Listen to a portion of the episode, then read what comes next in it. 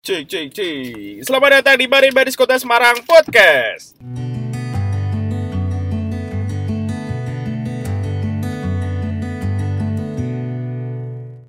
Halo teman-teman Marin Badis Kota Semarang. Di episode ketiga, kita ada tamu spesial loh. Wow, siapa dia? Langsung aja ya, Kak. Halo semuanya, nama saya Rian Akmal, boleh dipanggil Rian. Saya dari komunitas Marin Badis Kota Semarang, angkatan pertama. Salam kenal ya semuanya. Nah, di episode kali ini, Kak Rian mau sharing tentang apa ya? Nah, pada kesempatan kali ini kita akan ngebahas tema yang menarik nih, yakni salah satu fenomena yang terjadi di laut. Langsung aja kali ya? Boleh dong. Oke. Hmm, pernah nggak sih teman-teman dengar pasang surut? Apakah teman-teman udah pernah ngeliat bentuknya di laut seperti apa? Uh, atau teman-teman berpikir bahwa apakah yang dimaksud tersebut adalah ombak? Nah, pasang surut sendiri ialah salah satu gejala alam yang tampak nyata di laut, di mana dalam hal ini termasuk gejala fisis ya, yakni terjadinya suatu gerakan vertikal naik turunnya air laut secara teratur dan berulang-ulang dari seluruh partikel massa air laut dari permukaan hingga bagian terdalam dari dasar laut. Oh gitu ya kak. Terus apa sih yang menyebabkan gerakan vertikal itu terjadi? Nah, gerakan vertikal sendiri itu disebabkan oleh pengaruh gravitasi nih, Vida. Di mana kita tahu bahwa gaya tersebut ialah gaya tarik-menarik yang terjadi antara bumi dan bulan, bumi dan matahari, atau bumi dan bulan dan matahari. Gitu. Oh gitu. Nah, Kak, Indonesia termasuk negara kepulauan yang mempunyai banyak pantai. Nah, apakah di setiap pantai mengalami pasang surut yang sama, Kak? Hmm, jawabannya enggak dong. Karena pasang surut tuh di berbagai lokasi mempunyai ciri yang berbeda. Hal ini dipengaruhi oleh banyak faktor sih, seperti halnya topografi dasar laut, lebar selat, bentuk teluk, dan sebagainya. Bahkan di beberapa tempat tuh ada beberapa, ada beda antara pasang tertinggi dan pasang surut yang terendahnya di mana rentangnya tuh tinggi banget loh. Berdasarkan yang aku baca, terdapat di Teluk Pundi di negara Kanada bisa mencapai 20 meter loh. Oh, jadi gitu ya kak. Pasang surut itu beda-beda ya kak. Apa sih tipe-tipe atau jenis pasang surut yang Kak Rian tahu?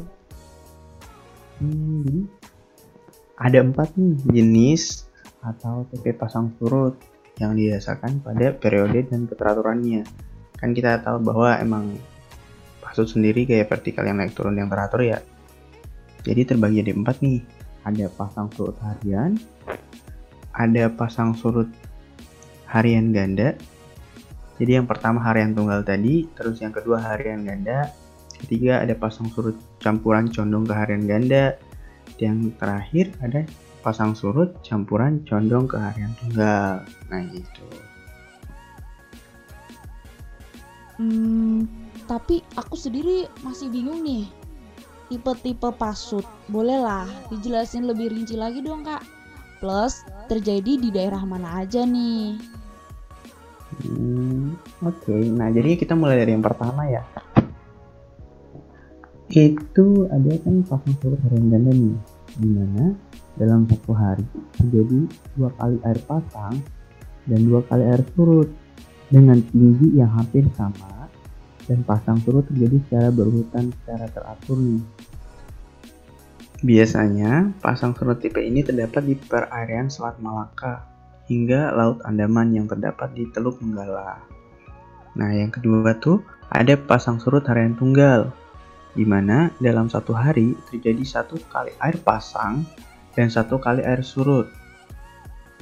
Pasang surut tipe ini terdapat di perairan Selat Kalimantan. Gitu. Nah, yang ketiga ada pasang surut campuran condong ke harian ganda di mana dalam satu hari terjadi dua kali air pasang dan dua kali air surut. tapi yang membedakannya itu tinggi dan periodenya berbeda jauh.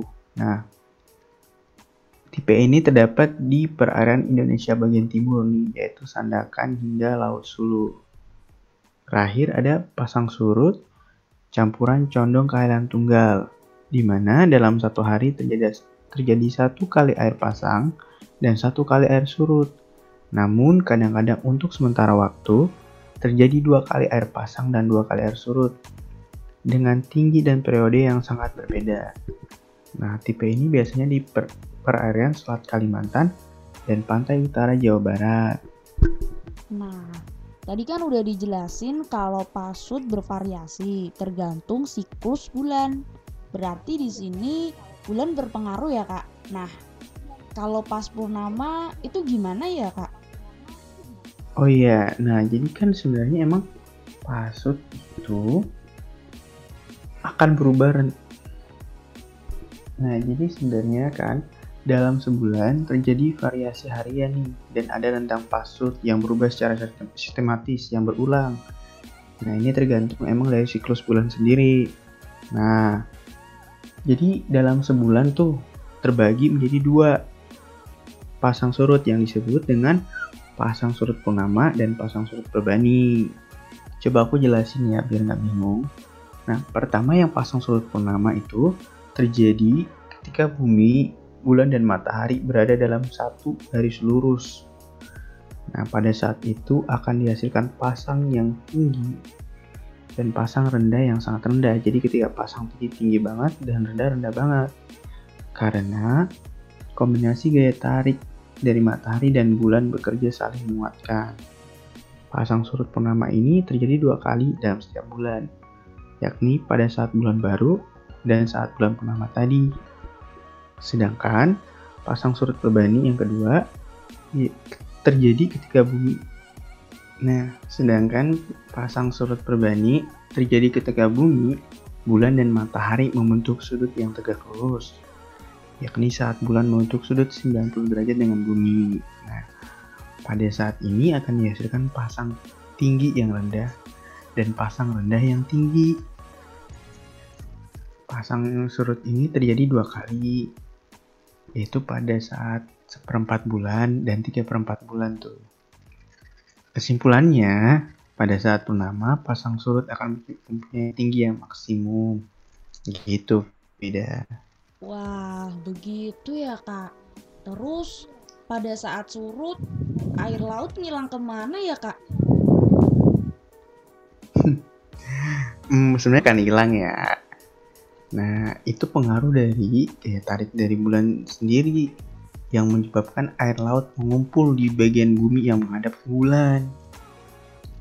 Hal ini kemudian menimbulkan efek di bagian bumi yang menghadap ke arah berlawanan juga terjadi pengumpulan air laut. Jadi ketika salah satu dari bagian bumi mengalami pengumpulan air laut, ada bagian bumi yang bagian bumi lain yang mengalami pengumpulan air laut dan itu arahnya berlawanan.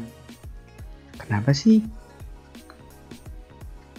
Kan bumi itu berotasi. Nah, dalam dan dalam setiap gerak rotasi akan ada gaya yang arahnya menjauh sumber rotasi Gaya ini disebut gaya sentrifugal tidak. Nah, oleh karena itu, ketika ada air yang mengumpul pada satu satu bagian bumi yang menjadi pasang, maka bagian bumi yang lain juga akan kehilangan airnya alias menjadi surut seperti itu. Jadi bukan menghilangnya. Hmm, gitu ya. Baru tahu aku nih. Kalau kayak gitu, ada nggak sih cara memprediksi pasang surut itu sendiri? Banyak dong, apalagi di era revolusi industri seperti ini kan. Nah, salah satunya bisa menggunakan aplikasi seperti Worldtide ataupun perhitungan secara sistematis di Excel juga bisa loh sebenarnya.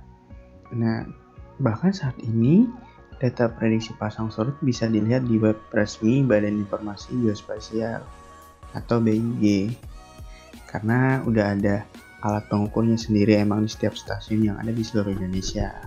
Kita tinggal download aja wah sudah canggih dong saat ini kalau tadi udah dijelasin penyebab, tipe-tipenya, cara memprediksi, dan ke mana perginya air laut. Nah, lalu manfaat pasut ini sendiri apa dong kak? Hmm, jadi sebenarnya tuh manfaatnya banyak banget ya.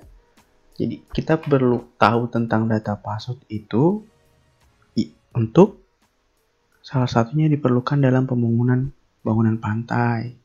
Seperti halnya di pelabuhan, membangun pelabuhan, terus yang daerah lepas pantai juga, serta dalam hal lain nih seperti pengelolaan dan budidaya di wilayah pesisir, pelayaran, menentukan alur pelayaran juga, dan peringatan dini terhadap bencana banjir air pasang, pola umum gerakan masa air, dan sebagainya.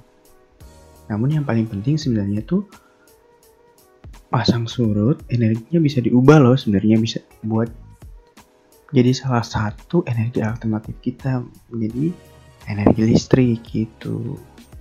Oh gitu. Berarti ini pasut bisa jadiin listrik dong. Wah, gimana caranya dong kak? Nah jadi sebenarnya energi pasang surut itu kan merupakan bentuk energi dengan memanfaatkan beda ketinggian pada waktu air laut pasang dan air laut surut. Nah itu kan ada rentang tuh dari situ. Salah satu alatnya tuh namanya tidal power nih. Dengan pasang surutnya mempunyai rentang minimal 5 meter. Teknologi yang diterapkan sama halnya dengan teknik tradisional hidroelektrik dengan adanya bendungan yang melewati salah satu teruk atau daerah estuari. Kemudian dilengkapi dengan pintu-pintu air dan turbin yang dipasang sepanjang bendungan yang memisahkan kolam dan laut. Pada akhirnya, air yang mengalir melewati turbin akan menjalankan generator untuk menghasilkan listrik seperti itu. Nah, contohnya di mana sih? Sebenarnya di Indonesia udah ada. Terdapat pada Selat Larantuka, Flores sana. Namun bukan berarti di sana aja di Indonesia dengan wilayah kita yang 70% lautan masih banyak tempat yang bisa dijadikan sarana untuk membagikan energi listrik ini dengan energi pasok sendiri. Contohnya di Bagan Siapi Api yang mencapai 7 meter rentang pasoknya. Di Teluk Palu juga. Terus ada Teluk Bima di Sembawa, di daerah Kalimantan Barat, Papua juga bisa, dan pantai selatan Pulau Jawa yang gelombangnya emang tinggi-tinggi kan rentang pasutnya tinggi. Seperti itu, Vida. Wah, lengkap sekali nih penjelasan dari Kak Rian. Nah, begitu ya teman-teman, sharing tentang pasang surut air laut di episode kali ini. Jangan lupa ikutin terus podcast Marimba di Kota Semarang dan follow Instagram kita ya. Jangan sampai ketinggalan.